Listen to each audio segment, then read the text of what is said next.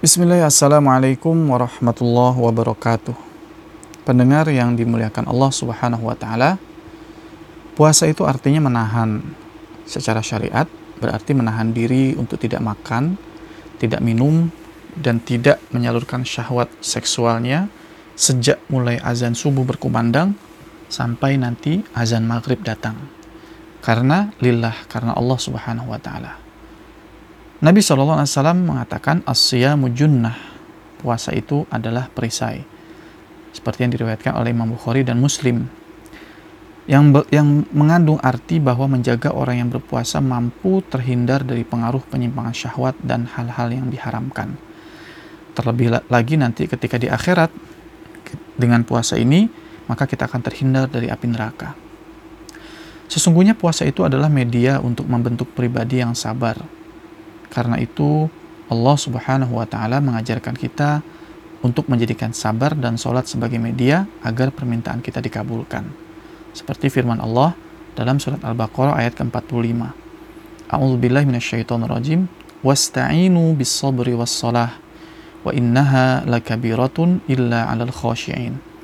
Dan mohonlah pertolongan kepada Allah dengan perbanyak sabar dan mendirikan salat dan sholat itu sungguh berat kecuali bagi orang-orang yang khusyuk. Apalagi sabar itu akan dibalas oleh Allah Subhanahu wa taala dengan balasan yang tanpa batas. Qul ya ibadilladzina amanu ittaqu rabbakum lilladzina ahsanu fi hadhihi dunya hasanah wa ardullahi wasi'ah innama yuwaffas sabiruna ajrahum bighairi hisab. Katakanlah wahai Muhammad Wahai hamba-hambaku yang beriman, bertakwalah kepada Rob kamu, yaitu Tuhan kamu. Bagi orang-orang yang berbuat baik di dunia ini akan memperoleh kebaikan. Dan sungguh bumi Allah itu luas, hanya orang-orang yang bersabarlah yang disempurnakan pahalanya tanpa batas. Dalam surat Az-Zumar ayat ke-10. Seorang ahli tafsir, murid dari Ibnu Abbas radhiyallahu an, yaitu bernama Mujahid berkata, bahwa makna sabar itu adalah puasa. Apalagi sifat sabar itu adalah ada di antara ciri-ciri orang beriman. Rasulullah Shallallahu Alaihi Wasallam bersabda, "Ajaban li amril mu'min inna amrohu kullahu lahu khairun, wa laysa dzaka li ahadin illa lil mu'min. In asabathu sarra'u syakara fakana khairan lahu, wa in asabathu darra'u sabara fakana khairan lahu." Kata Nabi Shallallahu Alaihi Wasallam, sungguh menakjubkan urusan kehidupan seorang mukmin itu karena semua urusannya dalam kondisi yang baik baginya. Dan hal ini tidak kita dapatkan kecuali pada diri mukmin saja. Yaitu kondisi apabila mendapatkan ketenangan, kesenangan dan nikmat dia bersyukur, maka yang demikian ini merupakan kebaikan bagi dirinya. Sebaliknya, apabila tertimpa kesusahan atau musibah, dia bersabar maka yang demikian itu juga satu kebaikan baginya. Pendengar bukan Allah Subhanahu wa taala, sahabat Nabi yang bernama Ibnu Mas'ud, seorang ahli tafsir menyebutkan bahwa ada 90 ayat di dalam Al-Qur'an yang berbicara yang Allah Subhanahu wa taala berbicara kepada orang-orang beriman dengan membentuk dengan membuat kalimat atau dengan menggunakan bentuk kalimat ya ayyuhalladzina amanu wahai orang-orang yang beriman. Berarti ada hal yang penting harus diperhatikan maka beliau mengatakan, jika engkau mendengar firman Allah yang berbunyi, wahai orang-orang beriman, maka perhatikan dengan seksama. Pasang telingamu baik-baik, karena akan datang ayat kebaikan yang mana engkau akan diperintahkan untuk melaksanakannya, atau keburukan yang engkau akan dilarang dari melaksanakannya. Nah, puasa Ramadan ini, pendengar yang dimakan Allah Subhanahu wa Ta'ala, adalah perintah kepada orang beriman agar menjalankannya. Maka sikap orang yang beriman hanya taat tidak ada pilihan yang lain. Ya, dan itulah sikap orang mukmin seperti yang disampaikan Allah Subhanahu wa taala dalam surat Al-Ahzab ayat ke-36. Kata Allah Subhanahu wa taala, "Wa ma kana lil mu'minin wa la mu'minatin idza qadallahu wa rasuluhu amran ay yakuna lahumul khiyaratu min amrihim wa may ya'sillaha wa rasulahu faqad dhalla dhalalan mubina." Dan tidak pantas bagi seorang laki-laki mukmin wala mu'minatin atau seorang wanita yang mukminah idza qadallahu wa rasuluhu amran ketika Allah dan rasulnya menetapkan satu ketetapan ayyakuna lahumul khiyaratu min amrihim akan ada pilihan lain bagi mereka tentang urusan mereka.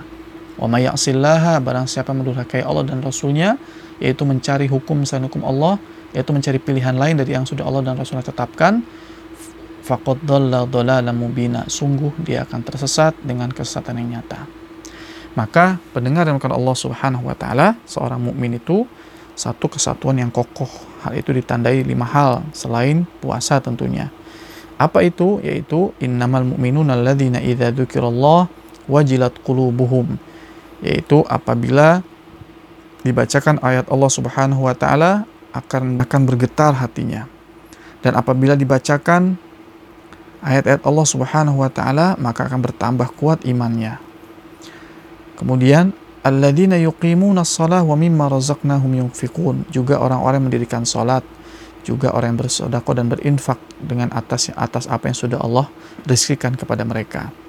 Ulaika umul mu'minuna haqqa lahum darajatun inda rabbihim wa maghfiratun wa rizqum karim. Mereka akan memperoleh derajat tinggi di sisi Allah dan ampunan serta rizki yang mulia. Terdapat dalam surah Al-Anfal ayat kedua dan ke, sampai keempat. Bahkan di dalam surat Al-Mu'minun ayat ke-1 sampai ke-11 diarahkan sampai masuk surga loh.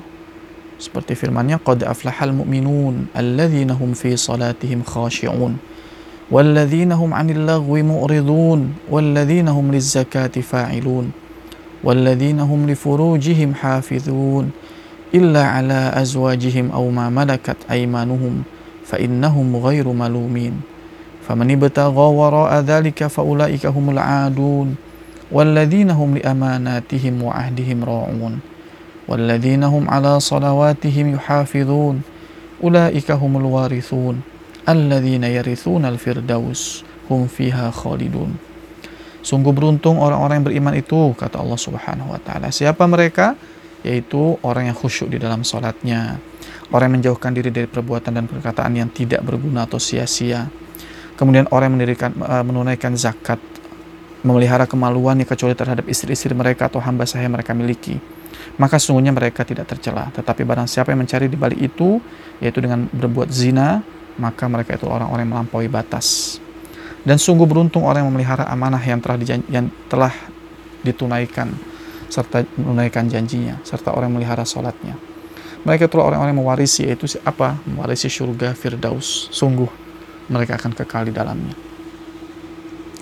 Pendengar Allah Subhanahu wa taala, kesempatan bagi orang beriman pada bulan Ramadan untuk terus berkiprah dalam meningkatkan amal ibadahnya di antaranya firman Allah Subhanahu wa taala dalam surat At-Taubah ayat 71 wal mu'minuna wal mu'minat ba'duhum awliya'u ba'd ya'muruna bil ma'rufi wa yanhauna 'anil munkar wa yuqimuna as-salah wa yu'tuna az-zakah wa yuti'una Allah wa rasulahu ulaika sayarhamuhumullah innallaha azizun hakim. Dan orang-orang yang beriman laki-laki ataupun perempuan sebagian mereka menjadi penolong bagi sebagian yang lain.